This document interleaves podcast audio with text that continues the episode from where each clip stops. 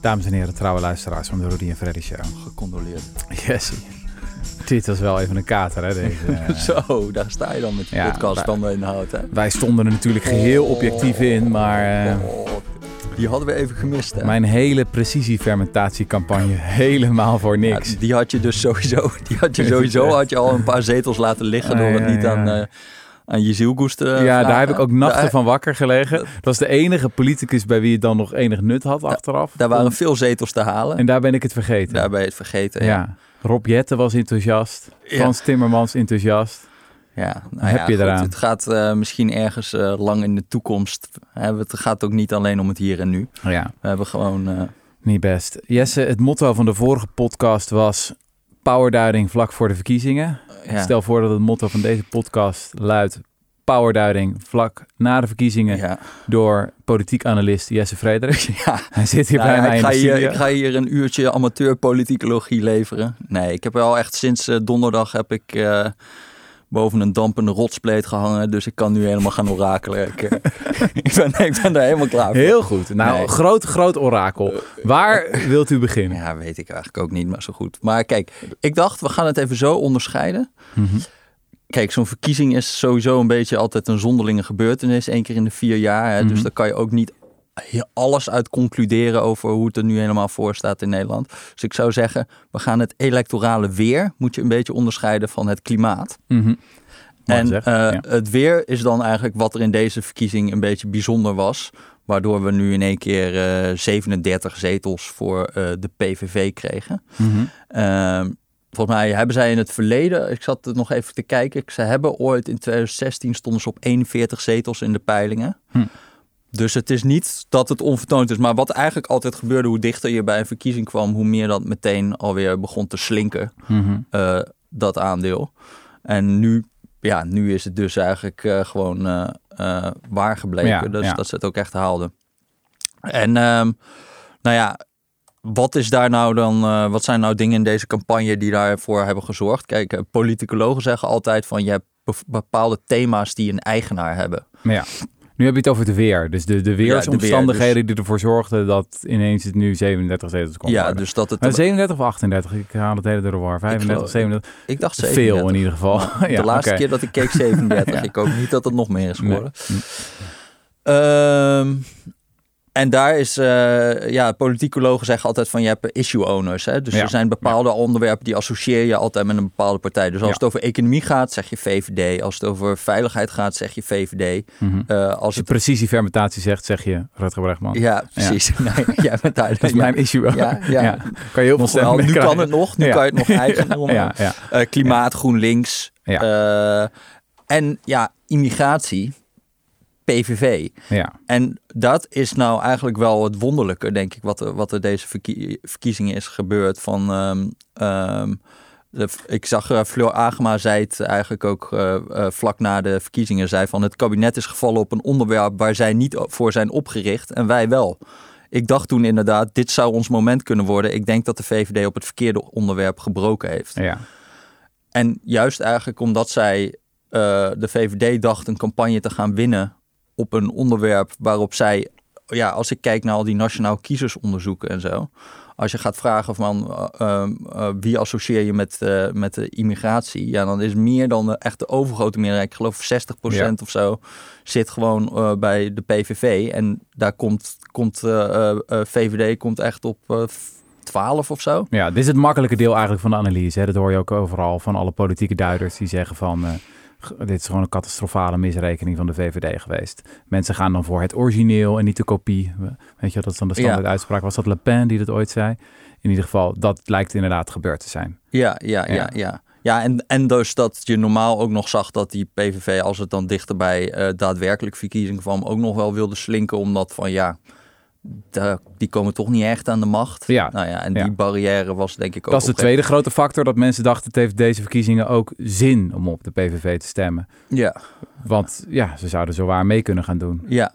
Ja, Nou ja, en, die, en ja, het is een hele conventionele analyse, want ik geloof dat iedereen die ongeveer dit is wel, allemaal vrij wel, heeft. ja, maar ja. ik eh, vrees dat in dit geval eh, er ook weinig is om contrair over te zijn. ja. Huh. Want ik, ik probeerde dat nog eventjes, maar ik, Ja. dat, ja, het is wel best wel Ja, en dat, wat, wat er dan ook nog speelt is natuurlijk wel dat iemand dan ook nog het wel helemaal uitspeelt. Hè? Dus dat zo'n Geert Wilders wel met de kaarten die die dan krijgt, er ook wel het beste van heeft. Speelt hij het perfect? Ja, speelt hij het wel perfect. En dat was ook gewoon, natuurlijk, een heleboel van zijn concurrenten zaten er nou niet echt lekker in. Mhm. Ik bedoel, eh, bij uh, Jezielkos, we hebben het zelf ook mogen ervaren, was zeg maar uh, punt dat uh, boodschapdiscipline overging in een vastgelopen langspeelplaat wel vrij snel bereikt, Ja. deze campagne. Dus die was gewoon, ja, die was gewoon dezelfde riedels de hele tijd aan het afsteken van Mhm.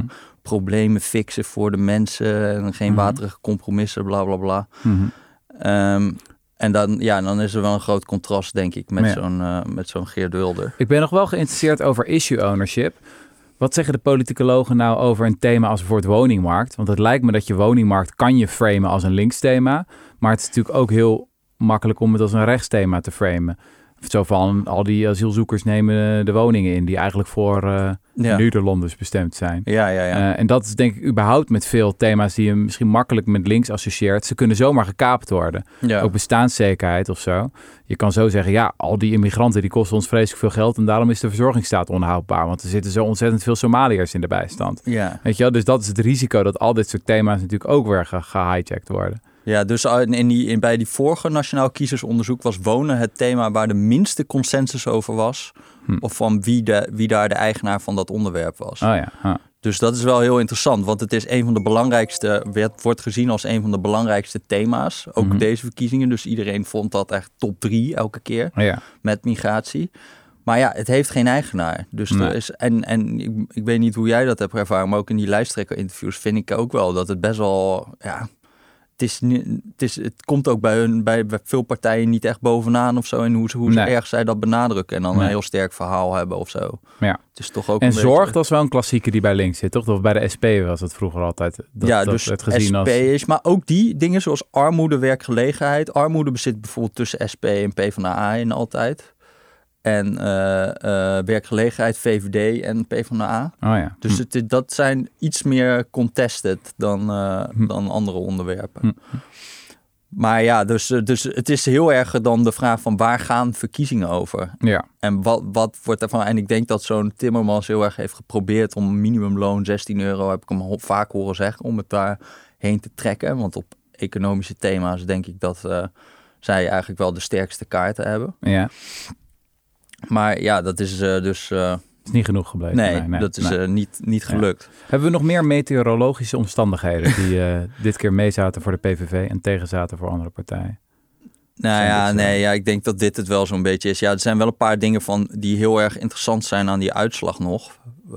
Wat, wat mij ja, wel choqueerde. Mhm.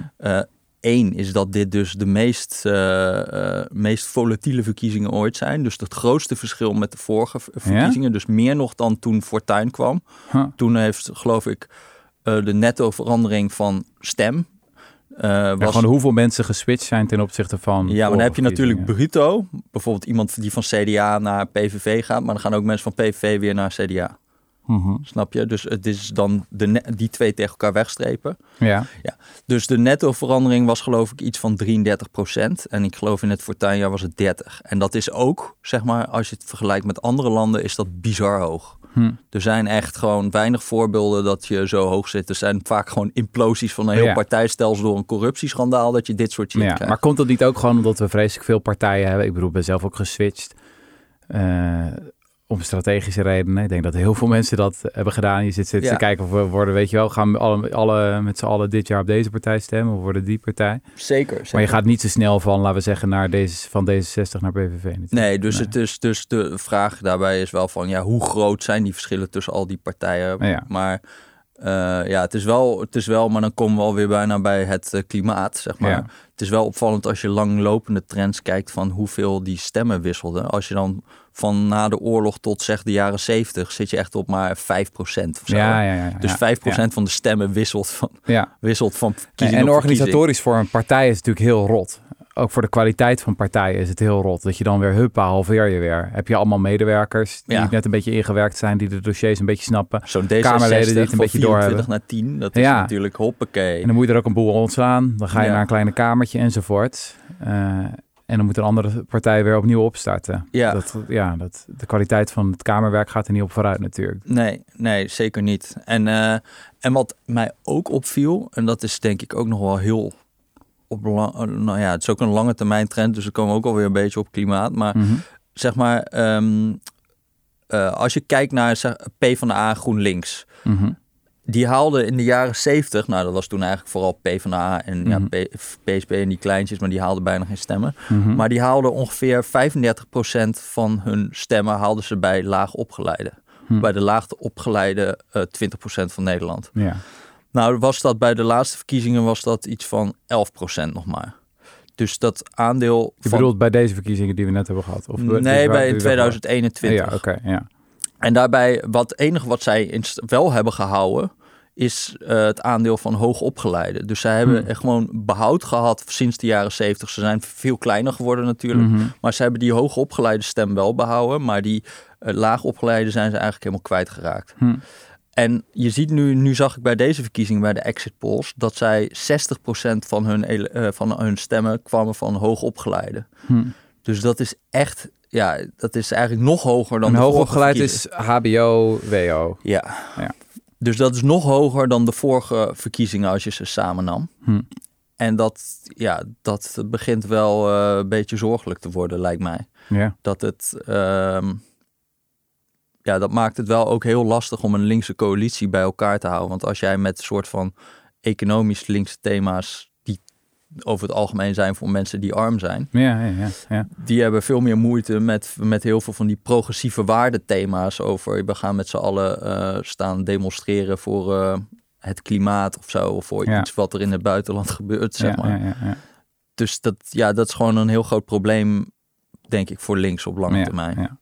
Oké, nog meer dingen die opvallen aan deze uitslag? Of moeten we al echt even gaan Nou, uitzoomen? En, eh, Nou ja, we kunnen natuurlijk dan, dat hebben we de vorige keer nog helemaal niet gedaan, maar al die, ik zat ook nog even door dat PVV-programma te kijken.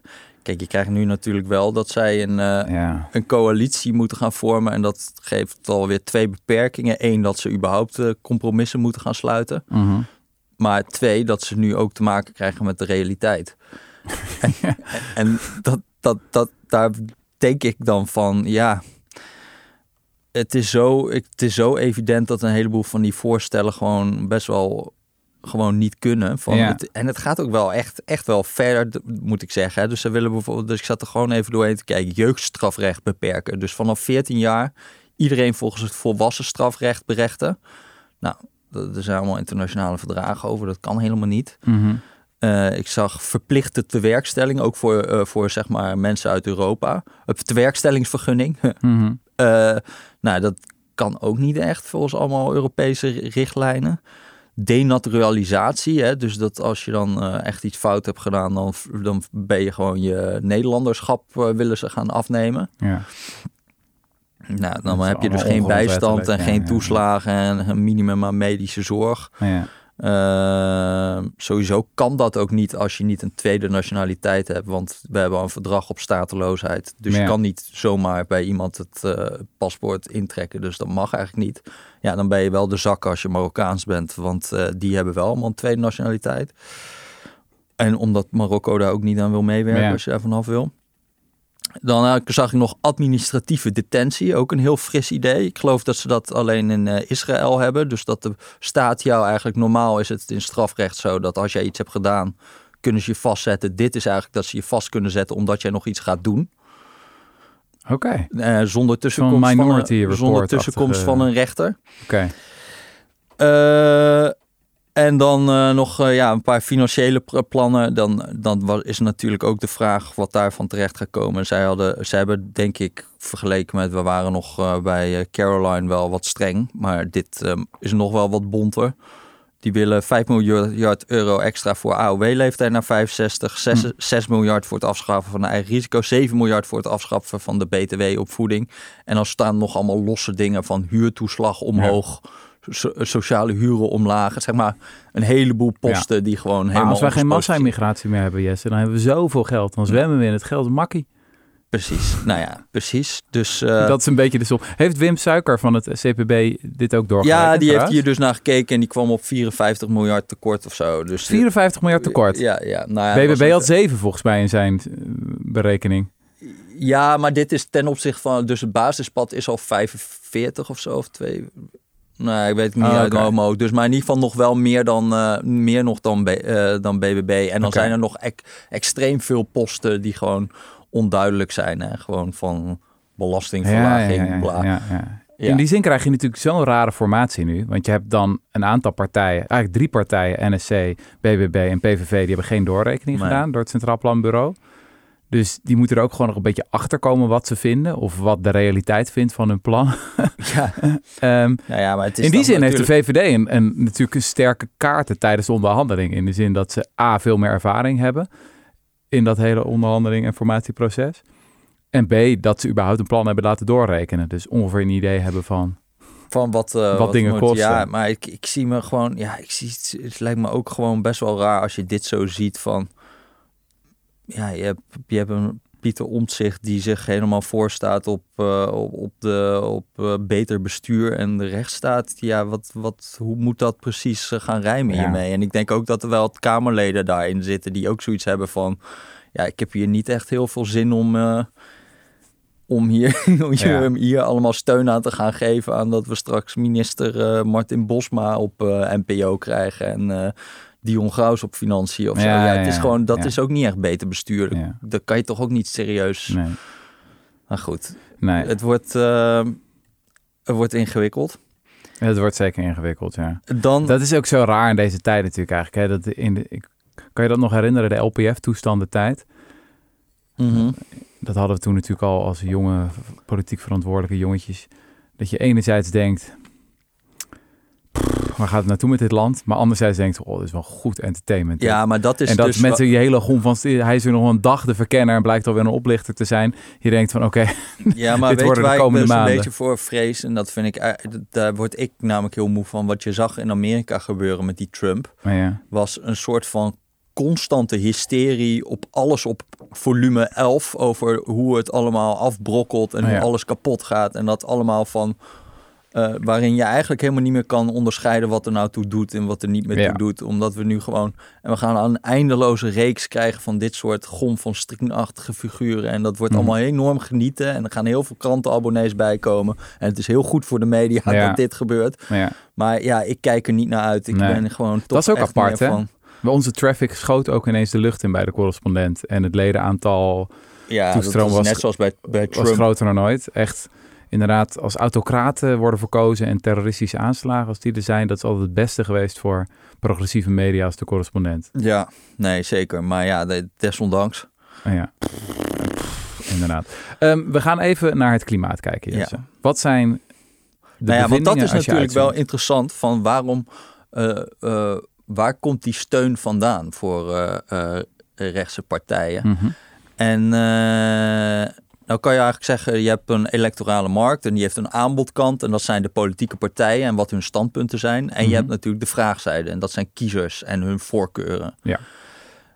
Nou ben je heel snel geneigd om te denken als er, zo'n, als er weer zo'n nieuwe electorale uitkomst is van oké, heel Nederland is dus gewoon ehm, helemaal klaar met migratie en het woke-gejammer. En eh, eh, we zijn allemaal, uh, ja, en met de politiek in En Groningen en de toeslagenaffaire en de woningmarkt die kapot is. Ze zijn gewoon heel erg boos en ze vinden het schandalig en ze willen nu gewoon ja. iemand... Ze wilden op de grootste middelvinger die rondliep in Den Haag. Ja, of dat er, dat er een soort van enorm rechtstreeks verband is tussen electorale uitkomsten en een verandering van de volkswil of zo. Ja.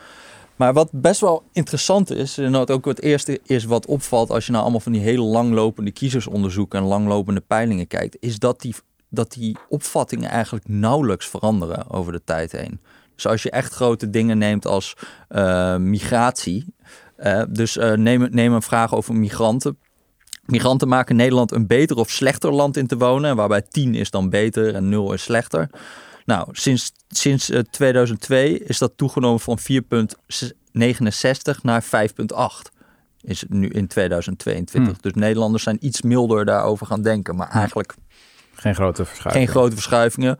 Uh, migranten zijn een verrijking of een verarming van onze cultuur. 5,89 naar 6,53. Migranten zijn goed voor de economie, 4,85 naar 5,86. Hm. Dus je ziet daarin niet dat er nou in één keer een enorme eh, omwenteling is of van anti-migratiesentiment. Nee, En het is eigenlijk ook hetzelfde als je dingen kijkt als eh, inkomensverdeling. Dus je vraagt aan mensen, moet het, moet het gelijker in Nederland? Mhm. Ja, sinds de jaren 70 is, geeft men daar ongeveer hetzelfde cijfer aan. Oh ja. Er zijn wel onderwerpen waar je meer verandering ziet, euthanasie en abortus en zo. Maar wat, wat eh, Zwarte Piet. Ja, dat, dat, dat heb ik niet gezien in die pijn, maar dat kan me ook heel Een goed hele grote verschuiving in de afgelopen... eh, Ja? sinds 2012, 13. Ja. ja. Dat is een van de meest indrukwekkende, denk ik. Goed, Oh, dat is natuurlijk heel concreet. hè. En net als in de VS heb je natuurlijk dat homohuwelijk, dat heel Ja. bekend is. Dat mensen echt eh, heel veel anders over zijn gaan nadenken. Ja, Ik bedoel, Obama was, was eerst nog tegen zelfs. Hè? Ja, ja, ja, dat is heel snel zijn, gegaan, ja. Politiek eh, acceptabel te zijn. Maar dat is heel snel omgeslagen, ja. maar over het algemeen, kijk, dit zijn misschien wel goe- voorbeelden van het tegendeel, maar mensen veranderen eigenlijk niet zo heel erg van mening of van opvattingen. Wat er veel meer gebeurt als je over lange tijd kijkt, is Mhm. dat mensen gewoon, eh, of dat noemen dan eh politicologen netjes eh, cohortvervanging, maar dat noemen wij gewoon de dood. Eh, eigenlijk gaan mensen eh, vormen heel veel van hun opvattingen in hun jeugd en gaan dan later, ja, op een gegeven moment gaan die mensen dood. Dus wat, wat, wat je bijvoorbeeld heel erg ziet is dat mensen van voor de oorlog en vlak na de oorlog veel materialistischer zijn ingesteld. Hm. Dus die vinden inkomensverdeling bijvoorbeeld veel belangrijker dan millennials en generatie Z. Oh ja. En Ja. die vinden dan weer onderwerpen als eh, milieu.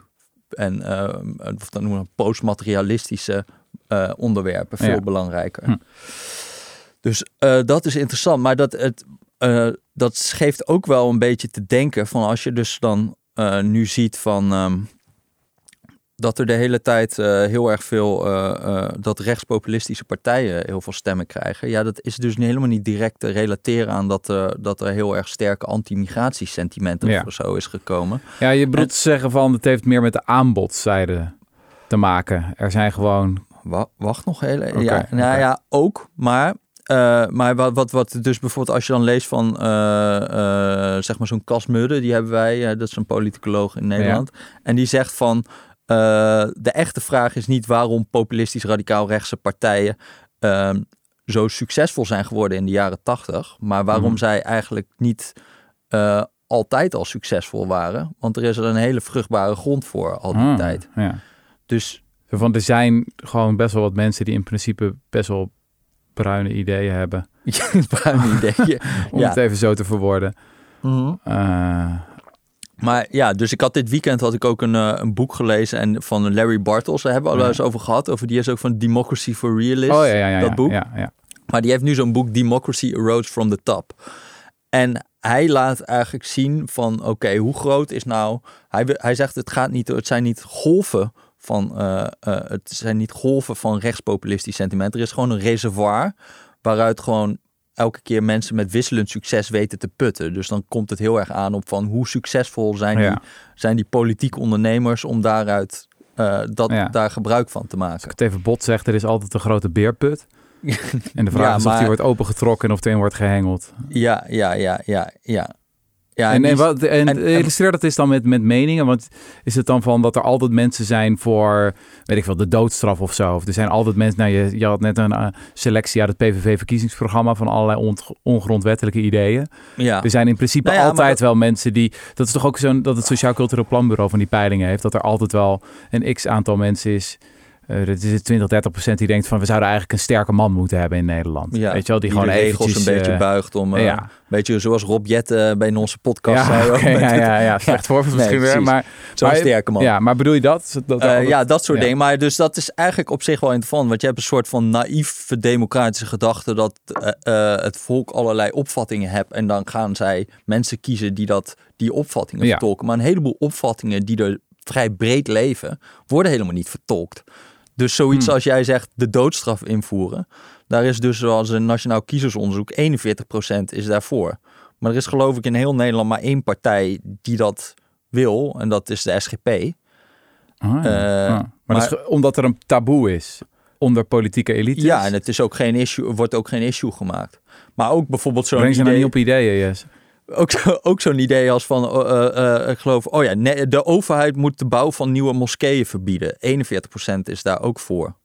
41 procent? 41 procent, ja. Dus dat, nou ja, daar is de PVV ook voor, toch? Daar is de PVV ook voor. Maar dat zijn wel echt wel weer interessant om te weten hoe in wat voor bubbel je leeft. Want dat zijn een soort van ongrondwettelijke no-no's die echt in de mainstream cultuur, denk ik, toch worden afgewezen op uh, enorme schaal. Ja, toch? ja, ja, ja, ja. Dus hier is, uh, uh, als je het op zo'n manier bekijkt, zou de conclusie eigenlijk zijn: um, je hebt altijd dat reservoir aan rechtspopulistisch idee. Eigenlijk is er altijd de vraag naar. Mm -hmm. Alleen het aanbod wordt niet altijd geleverd. En we le leefden in de jaren 70, 80 in een historisch unieke periode. Dat er misschien door de Tweede Wereldoorlog, doordat daardoor een heel sterk taboe was op dat soort ideeën, dat politieke elites het gewoon niet ja, leverden. Ja, ja. Aan de andere kant, je had wel figuren als Hans Jan Maat. Die, ja goed, die werd dan ook natuurlijk echt... Uh, ja, maar dat is dus wel interessant als je dan kijkt naar de aanbodzijde van... Kijk, we, ik zei net al hè, van dat maar in de jaren 50, 60, 70... maar 5% van de zetels überhaupt wisselde. Mm -hmm. Dus verkiezingen, dat we wat dan ook wel eens grappend gewoon opgemerkt... van het zijn meer volkstellingen... Mm -hmm. van hoeveel katholieken, hoeveel Ja, protestanten... ja, ja, en hoeveel socialisten hebben we in dit land leven. En uh, dan dat het echt ja, ergens over ging. Hmm. En een heleboel, en dat betekende eigenlijk dat er zijn natuurlijk daar ook controversies. En er zijn ook van onderwerpen die, waar besluiten op moeten worden genomen. Maar dat werd niet allemaal in de arena van de verkiezingen uitgevochten, maar in de partijdemocratie bijvoorbeeld. Mhm. Of in partijen zelf. En uh, uh, dus eigenlijk die macht van de partij uh, was in de tijd gewoon veel groter dan dat het nu is. En daar zit natuurlijk een heleboel. Uh, ja, maar toen, toen had je ook bijvoorbeeld dat 15% van de bevolking überhaupt lid was van een politieke partij. Ja, en nu is dat ja. nog maar 2%. Ja. En uh, ja, het is gewoon van die, van die dingen als, als zo'n opkomst van Nieuw Links in, uh, in uh, PvdA. Dat Mhm. is dan allemaal intern aan een partij. Dat is Ja, niet ja, ja, ja. dat er iets van Het is niet daarbuiten een brede nu- maatschappelijke beweging. nu een volt wat. komt of een partij voor de dieren of een weet ik veel wat. Al die conflicten zijn binnen een partij. Ja. En ook, uh, ja, je hebt dat hele verhaal van, uh, van uh, hoe heet die, Arend Leijphart en zo over de, de pacificatiepolitiek hè, in Nederland. Dus dat is... Dat, het Leijpaard was een, echt een grote politicoloog, toch? Uh, ja, ja. en die had, die had eigenlijk het verhaal van tussen de, de, hoe Nederland... Uh, want je had allemaal Amerikaanse politicologen die zeiden... ja, gezien de, zeg maar, jullie, jullie hebben uh, katholieken en protestanten... die helemaal met elkaar overhoop liggen. Extreem veel polarisatie Ja. eigenlijk in de bevolking. Maar het lijkt gewoon het hele landsbestuur niet aan ja. te Je tegenstaan. zou eigenlijk een burgeroorlog moeten hebben, Ja. maar er is niks. Dat zei hij ook. Robert Dahl zei geloof ik... theoretisch zou jullie land niet kunnen bestaan. Ja. Zoiets. Ja. Nou, en toen moest hij een antwoord komen, hoe, hoe doen we dat nou eigenlijk? En toen had hij een soort van de regels van het spel, heeft hij toen opgeschreven van hoe werkt het nou eigenlijk in Nederland? En uh, ik kan wel even die regels opnoemen, is best wel interessant eigenlijk. Mhm. 1. Zakelijke politiek. Politiek is gericht op besturen. Het is pragmatisch en resultaatgericht. 2. Pragmatische verdraagzaamheid. De meerderheid drukt niet zonder meer zijn mening door, maar komt tegemoet aan bezwaren van de minderheid. Bij niet onderhandelbare oneenigheid is wegkijken en of agree to disagree de formule. Hm. Drie, topconferenties. De allerbelangrijkste vraagstukken worden in topconferenties achter gesloten deuren behandeld. Vier, evenredigheid. Bij de verdeling van middelen geldt de regel van evenredigheid. Subsidies worden gelijkmatig over de fracties verdeeld. Dus dat zie je nu nog in de NPO bijvoorbeeld. Mhm. Hè? Al die omroepverenigingen, maar ook het onderwijs. Waar Mhm. iedereen zijn eigen school kreeg. Mhm. Uh, vijf, depolitisering. Het depolitiseren en neutraliseren van ideologische tegenstellingen door het zich verschuilen achter complexe bestuurstaal Hm. of door uitbesteding van de besluitvorming aan experts, de SER bijvoorbeeld, hè, Hm. aan de rechterlijke macht of de markt. Zes, geheimhouding. Tijdens het Ah, onderhandelings- en besluitvormingsproces treedt men zo min mogelijk in de openbaarheid. Uh, Tweede Kamerleden, academici en journalisten stellen zich verantwoordelijk op, houden gevoelige informatie achter en depolitiseren zelf ook. Ja. Eén interessant ding is bijvoorbeeld dat je echt geen parlementaire enquêtes hebt gehad in de hele naoorlogse ding, alleen naar de oorlog zelf. Ja. Pas in 1982 of zo kwam dat. Al die commissievergaderingen in de Tweede Kamer waren achter gesloten deuren. ja. Maar eigenlijk is het, het was heel e- ondemocratisch. Zoals we het nu zouden noemen. Ja, het was echt een partijkartel. Ja. En, en samengesmolten met media. En uh, uh, ja, je kon op die manier ook een heleboel onderwerpen gewoon doodzwijgen. Ja. Zodat het überhaupt niet pregnant werd. En zoals wat wij net zeggen over bijvoorbeeld over migratie, dat het nu een onderwerp is geworden in de media, Mhm. eh, deze verkiezingen. En dit was het grote onderwerp. Ja, dat zou toen was alles erop gericht om dat een beetje gewoon zelf te bepalen. Dat een soort elite heel erg bepaalt wat, dat, wat, het, wat de onderwerpen zijn. ja, ja, ja. En al voor zover er echt eh, ehm, zeg maar controverse is, werd dat niet uitgevochten in een publieke arena. Ja, ja, ja, ja. Ja, dat is allemaal, of dat heel democratisch is, eh, waag ik wel te betwijfelen. Ja. Maar goed, het is ook wel moeilijk te zeggen wat dan eh, democratisch is of niet. Want, ieder, eh, want je hebt een heleboel landen die een soort rare manier hebben om hiermee eh, om te gaan. En het is Ja. niet zo dat je dan in peilingen ziet dat er de tevredenheid veel lager is of zo. Nee, nee, nee. ik bedoel, Singapore is een bizar voorbeeld die 50 jaar dezelfde partij hebben. En daar is, daar, die hebben de hoogste vertrouwen in politiek van waar dan ook. Ja, nou dat vond ik ook wel dat boek Democracy for Realists. Ja. Daar word je, ja, ik weet niet of je daar nou cynisch van wordt of, ja, ik weet niet wel precies wat de juiste emotionele reactie is als je dat boek leest. Maar in ieder geval dat heel vaak mensen ook gewoon echt niet weten wat ze vinden.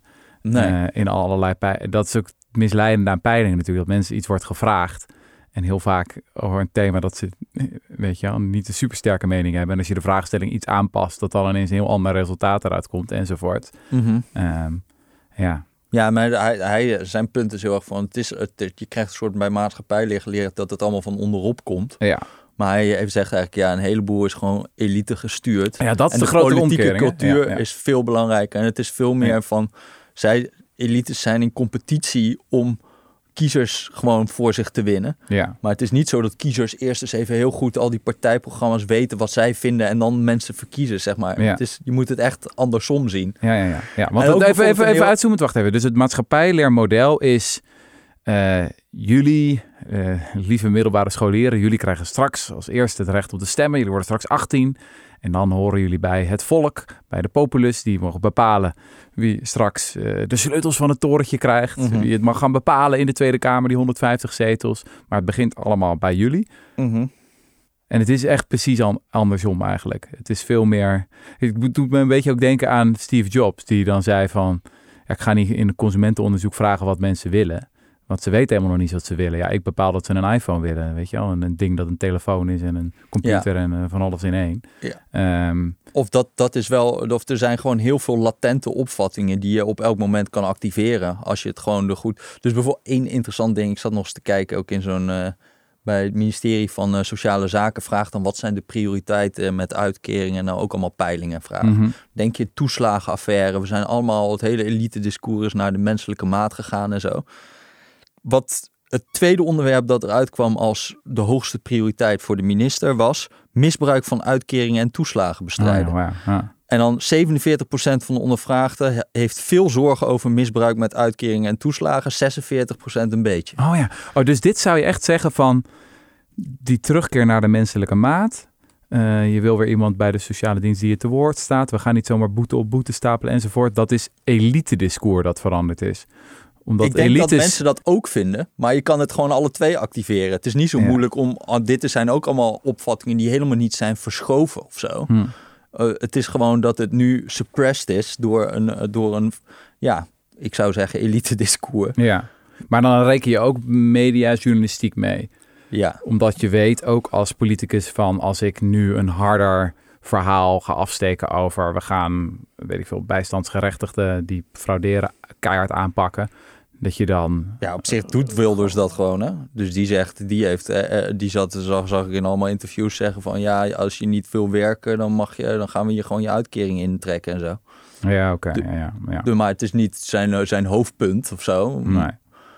Eh, maar ja, daarvoor is er natuurlijk ook nog gewoon heel veel steun. Dus het is niet Hm. alsof dat daar echt iets enorms is veranderd door die toeslagenaffaire. De Ja. grootste verandering zit hem eigenlijk bij eh, mensen, ons soort mensen die allemaal meedoen aan de, aan de nieuwscyclus en, eh, en aan het politieke nieuws volgen Ja, en zo. ja. Maar wat is dus de conclusie van deze analyse? Het Nou doet ja. mij wel een beetje denken aan, ik bedoel, Thierry Baudet zegt dat altijd van weg met het partijkartel. Ja, daar heeft hij dan in dus een zekere zin gelijk? Van inderdaad, er was altijd een kartel en wij hebben dat opengebroken. Wij leveren nu opvattingen waar altijd latente support voor is geweest. Ja, En wij zijn nu allerlei dingen salonveeg aan het maken die eerder volgens partij-elites ja, gewoon niet bespreekbaar waren. ja, ik denk dat dat op zich wel klopt. Ik denk dat een heleboel van die dingen er altijd al waren. Alleen dat het nu gewoon geactiveerd wordt. Terwijl dat vroeger gewoon doodgezwegen werd. Kijk, je mag daar zelf je conclusie aan verbinden wat beter of minder goed is. Of weet ik veel wat. Wat democratischer is of niet. Maar ik denk wel dat dat op zich klopt. Ja. En wat, die, wat dus die Larry Bartels laat zien. eh, is van hij gaat dan op een gegeven moment gaat hij kijken. Wat voorspelt nou of iemand stemt voor rechtspopulistische partijen. Nou, dat zijn een paar dingen. Bijvoorbeeld anti-migratiesentiment is het Mhm. meest, is het belangrijkste. Een conservatief wereldbeeld. Nou, dat kunnen we een beetje anti-wokish Mhm. eh, noemen. Dat zijn de twee belangrijkste factoren. En hij kijkt voor heel Europa, hè, dus niet alleen Nederland. Ja. Daarna komt eh, eh, anti-Europa sentiment, maar dat is al veel minder belangrijk. En pas helemaal op het einde economische ontevredenheid. Dat is ook wel interessant overigens, dat dat nauwelijks een voorspellende waarde heeft voor of jij eh, rechtspopulistisch stemt. Hm. Maar goed, uit al die dingen gaat hij dan een soort van variabelen samenstellen van rechtspopulistisch sentiment. Dus je kan gewoon al die, al die dingen die dat voorspellen, kan je nemen en dan kan je ook weer een schaal van maken van 0 tot 10. Hm. En dan laat hij eigenlijk zien dat eh, de meeste mensen, ook heel veel mensen die heel veel rechtspopulistisch sentiment hebben, helemaal niet rechtspopulistisch stemmen nog. Dus er is nog een veel groter reservoir eh, aan mensen die Oh. in principe... Een vrolijke boodschap heb jij, dus, Jess. nou ja, nee, ja, er zijn er zegt- nog veel meer. hij zegt, hij zegt, je kan dat op twee manieren bekijken. Of het is optimistisch van, nou ja, we, eh, het, lukt ze dus helemaal niet om iedereen, om, om dat, die vraag eh, eh, te benutten. Mhm. Ja, of je kan zeggen, ja, er zijn nog veel meer mensen die daar ook op zouden kunnen stemmen. Oké. Maar ik denk dat we hier in Nederland nu wel aan een soort van, aan een, een door het electorale weer wel aan een vrij hoog aandeel daarin zijn gekomen. Maar ja, hij zegt, hij, hij laat wel eigenlijk, ja, het is wel op zich Hm. wel zorgelijk van hoeveel eh, vraag daar op zich naar is. Hm. Kan je het ook andersom zeggen? Dat links-progressieve partijen een potentieel hebben dat ze niet aanboren? Ja, dus dat is, dat is bijvoorbeeld als je, het, als, je het, als je het hebt over economische onderwerpen, is Nederland gewoon eh, eh, extreem links eigenlijk. Dus wat de gewenste inkomensverdeling en zo, ja, daar heeft links gewoon een veel beter verhaal dan echt rechtse partijen. Mhm. Maar dan komen we weer aan de, dit was allemaal de aanbodzijde, maar de vraagkant heb je natuurlijk twee dingen die spelen. De ene is gewoon wat vinden mensen en twee, hoe sterk vinden ze dat? Welk gewicht kennen ze toe aan Mhm. hun opvattingen?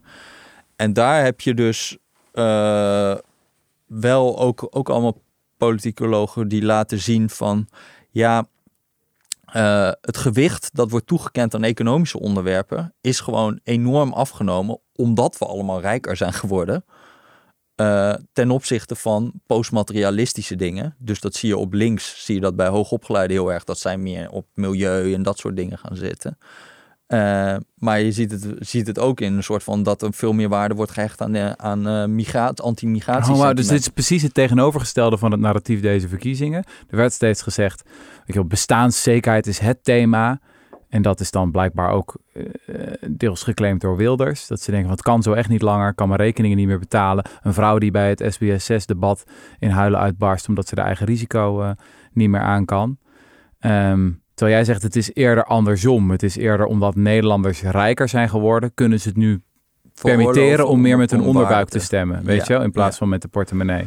Ja, nou, het van- is moeilijk om over individuele mensen te zeggen die doen die- Wat tuurlijk, maar ja, de ja. grote lijn. de grote lijn. De grote lijn is, is wel dat, eh, eh, ja, vroeger als je, als je bij wijze van spreken arm was en je had, eh, je had een hekel aan buitenlanders, dan stemde je PvdA, want je was arm. En nu heb je eerder de neiging om dan PVV te stemmen omdat je een hekel hebt aan buitenlanders. Ja. Het is gewoon, Ja. dus de prioriteit, de, de, het is steeds moeilijker. En dat maakt het dus ook voor links. Daar, daarom zie je ook dat zij eh, steeds meer hoogopgeleide claimen. En niet meer bij laag opgeleide Mhm. of bij armere mensen eh, nog eh, hun eh, stemmen halen. Is gewoon steeds moeilijker om aandacht te krijgen voor economische onderwerpen. En, Dus- die, en die zijn het meest. De, daar heeft links het grootste potentieel in principe, omdat heel veel mensen die opvattingen wel delen. Ja, maar, niet, maar steeds minder maar sterk. steeds minder gewicht, gewicht eraan toekennen ten opzichte van andere eh, opvattingen, waardoor het ook weer moeilijk is. Ja, het is ook moeilijk om een linkse coalitie te hebben, omdat een, het hele kader is hoog opgeleid en het deelt allemaal extreem progressieve op uh, waarden. Mhm. Die helemaal niet populair zijn bij mensen die bij een groot deel van het electoraat. Ja, ja, precies. Als je over transrechten begint, dat valt Nou natuurlijk ja, die- milieu, sorry, dat is helemaal. Dit is ook een extreme gradient qua eh, eh, opleidingsniveau. Dat Ja. is helemaal niet. eh, dat is vooral bij hoogopgeleiden heel erg een ding. Huh. Ja, dat zijn. Oké, maar dus er is niet echt een oplossing? Komt het daarop neer? Of heb je nog ik, andere ik niet, onderwerpen? ik was nog niet aan de oplossing toegekomen. Oh, als, ik heel, als ik heel eerlijk ben. Nee, maar dat was, dat was mijn vraag. Van, zijn er andere onderwerpen die links-progressief kan activeren... waar ze een groot potentieel hebben? Nou, dus economie dus niet echt. Nou ja, daar hebben ze wel veel potentieel. Maar het is dus moeilijk om dat, om dat te activeren. Ja. Steeds moeilijker ook. Ja, En daar, ja, daar, ik heb daar ook niet echt een, eh, een heel, heel goed antwoord op. Ja. Zo. Aan de andere kant van het verhaal is natuurlijk dat, we, dat op, die, op economische onderwerpen links eigenlijk al heeft gewonnen. Voor een heel groot gedeelte. ja. Dat je kan zeggen dat het hele, hele iedereen, eh, eh, nou ja, betrekkelijk links. Bijvoorbeeld, als je nu die discussie over armoede eh, ziet Mhm. zeg maar, het, in één keer was het in Nederland een enorm probleem dat er kinderarmoede is. Dat is natuurlijk altijd al. Ja. Maar alle partijen vonden het schandalig dat dat zou stijgen. En Nee, het moest zelfs gewoon gaan dalen. Dus we hebben, als je sinds 2013 is het bijna gehalveerd, geloof ik, Mhm. kinderarmoede. En dan, het is, het, is, het is wel opmerkelijk hoe dat gewoon is gegaan. Maar dat was toch sowieso opmerkelijk aan, Dat we dat aan dit verkiezingsseizoen. Dat, eh, volgens mij had CBS een bericht dat er nog nooit zo weinig mensen... of sinds de jaren 70 niet zo weinig mensen... onder de lage inkomensgrens hadden gezeten. Ja, En dan was bestaanszekerheid het grote thema. Wat het wat mij betreft altijd zou moeten Ja, zijn. ja, ja, begrijp me nee. niet verkeerd. Eh, ben een linkse jongen. Maar ehm, wel vreemd of zo. Ja, Dat- maar dat is, dat is ook nog een, denk ik, een misvatting. In hoeverre is dit allemaal überhaupt gerelateerd aan iets onderliggends? ik bedoel, ik Ja. bedoel ook de hele verkiezing van Wilders. En we hebben toen bij Dylan het ook nog geprobeerd. Met van, als je kijkt naar criminaliteitscijfers en allemaal dingen. Hij komt, als je dat verkiezingsprogramma weer zit, er is, het gaat weer over straatterroristen en de mokromafia en Ja. bla bla bla. En het is allemaal weer dramatische daling van criminaliteit geweest. Maar, Ja. maar Dus, dus, niet. dus wat we dat eh, zeg maar de, het eh, aantal eh, tieners verdacht van een misdrijf met Mhm. een niet-westerse migratieachtergrond is nu 30% lager dan eh, bij alle autochtonen in het jaar dat Ja. eh, Geert Wilders' partij begon. Dus Ja. we zijn, zijn dramatisch veel minder eh, criminaliteit ook van juist van jongeren met een niet-westerse migratieachtergrond. Ja, Ja. het is allemaal totaal niet geregistreerd dat. En dat, dat zie je ook weer in al die peilingreeksen. Ja, dat, hoeveel mensen die zegt van we moeten harder straffen, is ook gewoon constant. 40 Ja. jaar al. Dus er gebeuren allerlei dingen qua straffen, maar het is altijd hetzelfde. ja. Dus het is, ja, wat dat betreft moet je ook niet al te erg. eh, kijk, wat je baseline ook is van hoeveel politieke kennis mensen hebben, schroef het maar omlaag. Want, want, het, want het is gewoon, ook in die kiezersonderzoeken, wat je allemaal tegenkomt, is wel echt eh, vrij. eh, ik bedoel, ik zat. Nationaal Kiezersonderzoek twe- 2010 vroegen ze geloof van weet je welke partijen in de, het kabinet zaten. Dus dat waren toen Balkenende 4, CDA, PvdA, ChristenUnie geloof ik Mhm. wist de helft wist die partijen niet op te noemen. De helft wist niet wie de partijen in het kabinet zijn. Als je Hmm. nou wil zeggen, we willen mensen afrekenen op hun beleid, lijkt me dat toch wel stap 1, zeg maar. Ja. En dan bij Rutte 2, die er toch vier jaar zat en maar twee partijen had, en toch iets in- makkelijker, wist ook nog steeds 20% het niet. Hm. En dan eh, nou kwam Pieter Omtzigt kwam deze verkiezingen met het revolutionaire plan voor een grondwettelijke toetsing Mhm. bleek eh, bij de vorige Nationaal Kiezersonderzoek dat 85% al dacht dat dat bestond. ja, ik bedoel, Ja. eh, je moet niet, je moet niet een hele hoge, hoge verwachting hebben van men, dat heel veel mensen gewoon allemaal dat allemaal enorm zitten te volgen. Nee. En ik zat ook te denken, ja, hoeveel merk je überhaupt eigenlijk van politiek als je het niet volgt? Nou, dat is dan weer een opbeurende gedachte. ja, Ja. nee, maar gewoon als je gewoon je leven leidt. Ik bedoel, hoe weet je dan wat er dan... eh, ja, nou goed, uiteindelijk zou je de consequenties wel merken. Nou, lijkt me op allerlei dossiers. Ja. Maar Toch? goed, dat was ook een minder opbeurende ged- gedachte bij eh, in dat boek van eh, wat hij zei, Democracy Erodes from the Top. Dat Mhm. hij dus ook voorbeelden neemt van democratic backsliding, nu heet dat dan bij, uh, bij die politicologen. Dus Ja. Polen en Hongarije zijn daar in Europa de beste voorbeelden van. Hè? Landen die ook echt aan de rechtsstaat beginnen te tornen en proberen de grondwet te veranderen, zodat, ze, zodat uh, Orbán uh, nog al een heleboel verkiezingen gaat winnen. Of een beetje probeert zichzelf te bevoordelen daarin. Uh, dat is in Europa en voorheen in Latijns-Amerika had je daar veel voorbeelden van. Hè? Dat, het, dat, het, dat het gewoon het kiesstelsel wordt gemanipuleerd en zo. Maar hij zegt van ja, het is heel vaak echt niet zo dat kiezers daar nou hele erge voorkeur voor hebben. Dus je ziet niet in peilingen, in, is iedereen voor abstracte democratische procedures van we willen gewoon de democratie behouden en zo. Mhm.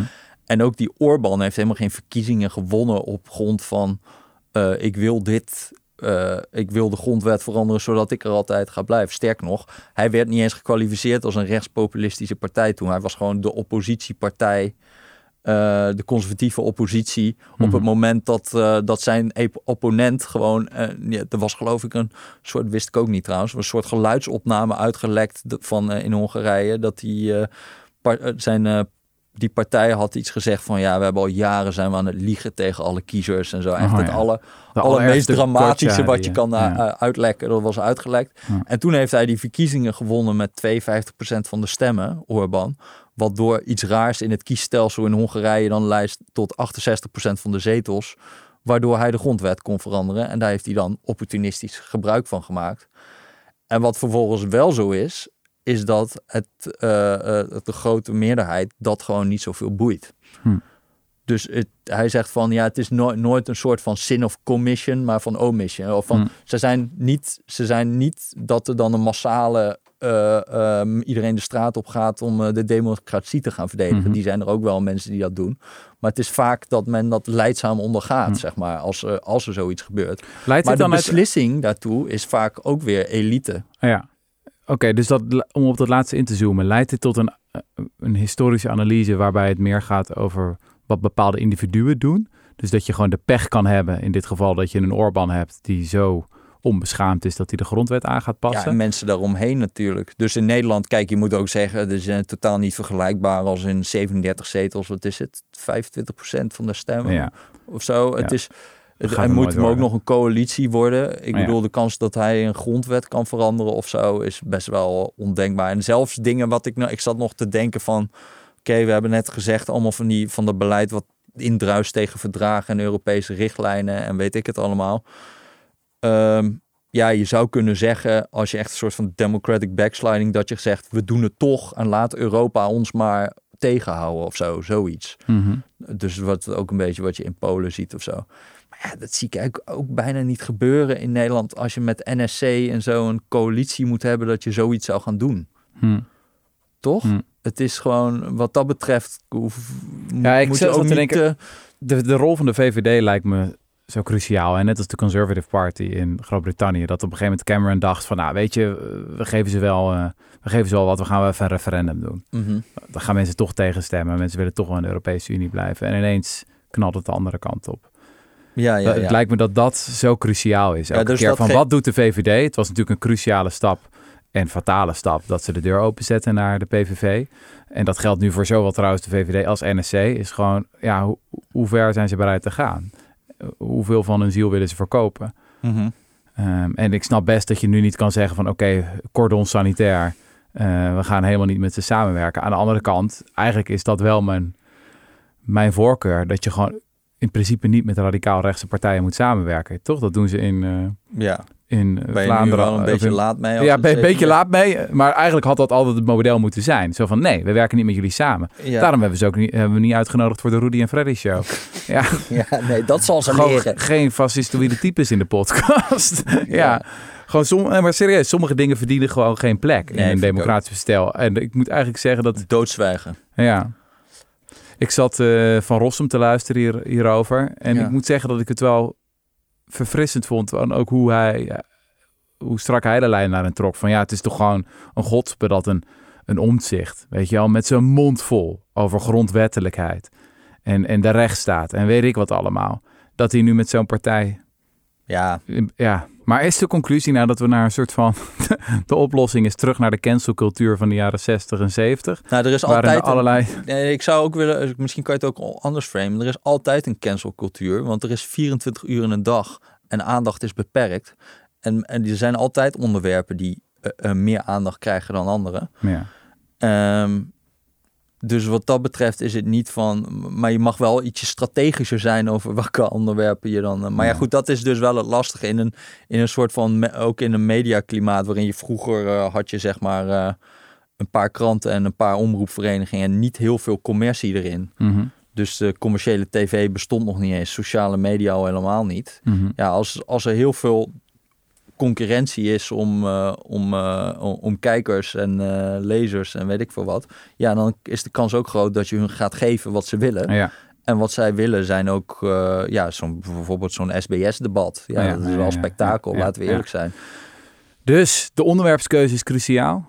Kan ik hem zo naar een eh, einde breien, Jesse? Ja, jij wil nog meer, even eh, een hoopgevende noot, hè? Maar dat... dat Nou, ik gewoon wil gewoon even positief voor, naar voren kijken naar weer een prachtig nieuw podcast. Oké. waarin wij natuurlijk, ja, het aantal podcasts is beperkt. En wij gaan natuurlijk allemaal dingen agenderen Ja, die bovenaan de agenda zou moeten staan. precies. Heel veel precisiefermentatie weer. Ja, Zodat het op een gegeven moment echt een ding wordt van wie is de issue owner. Ja, kansloos. Nou ja. Nou ja, laten we maar afsluiten dan. Eh, Jesse, dank voor je, voor je politieke duiding. Probleem. tot de volgende keer. Tabé.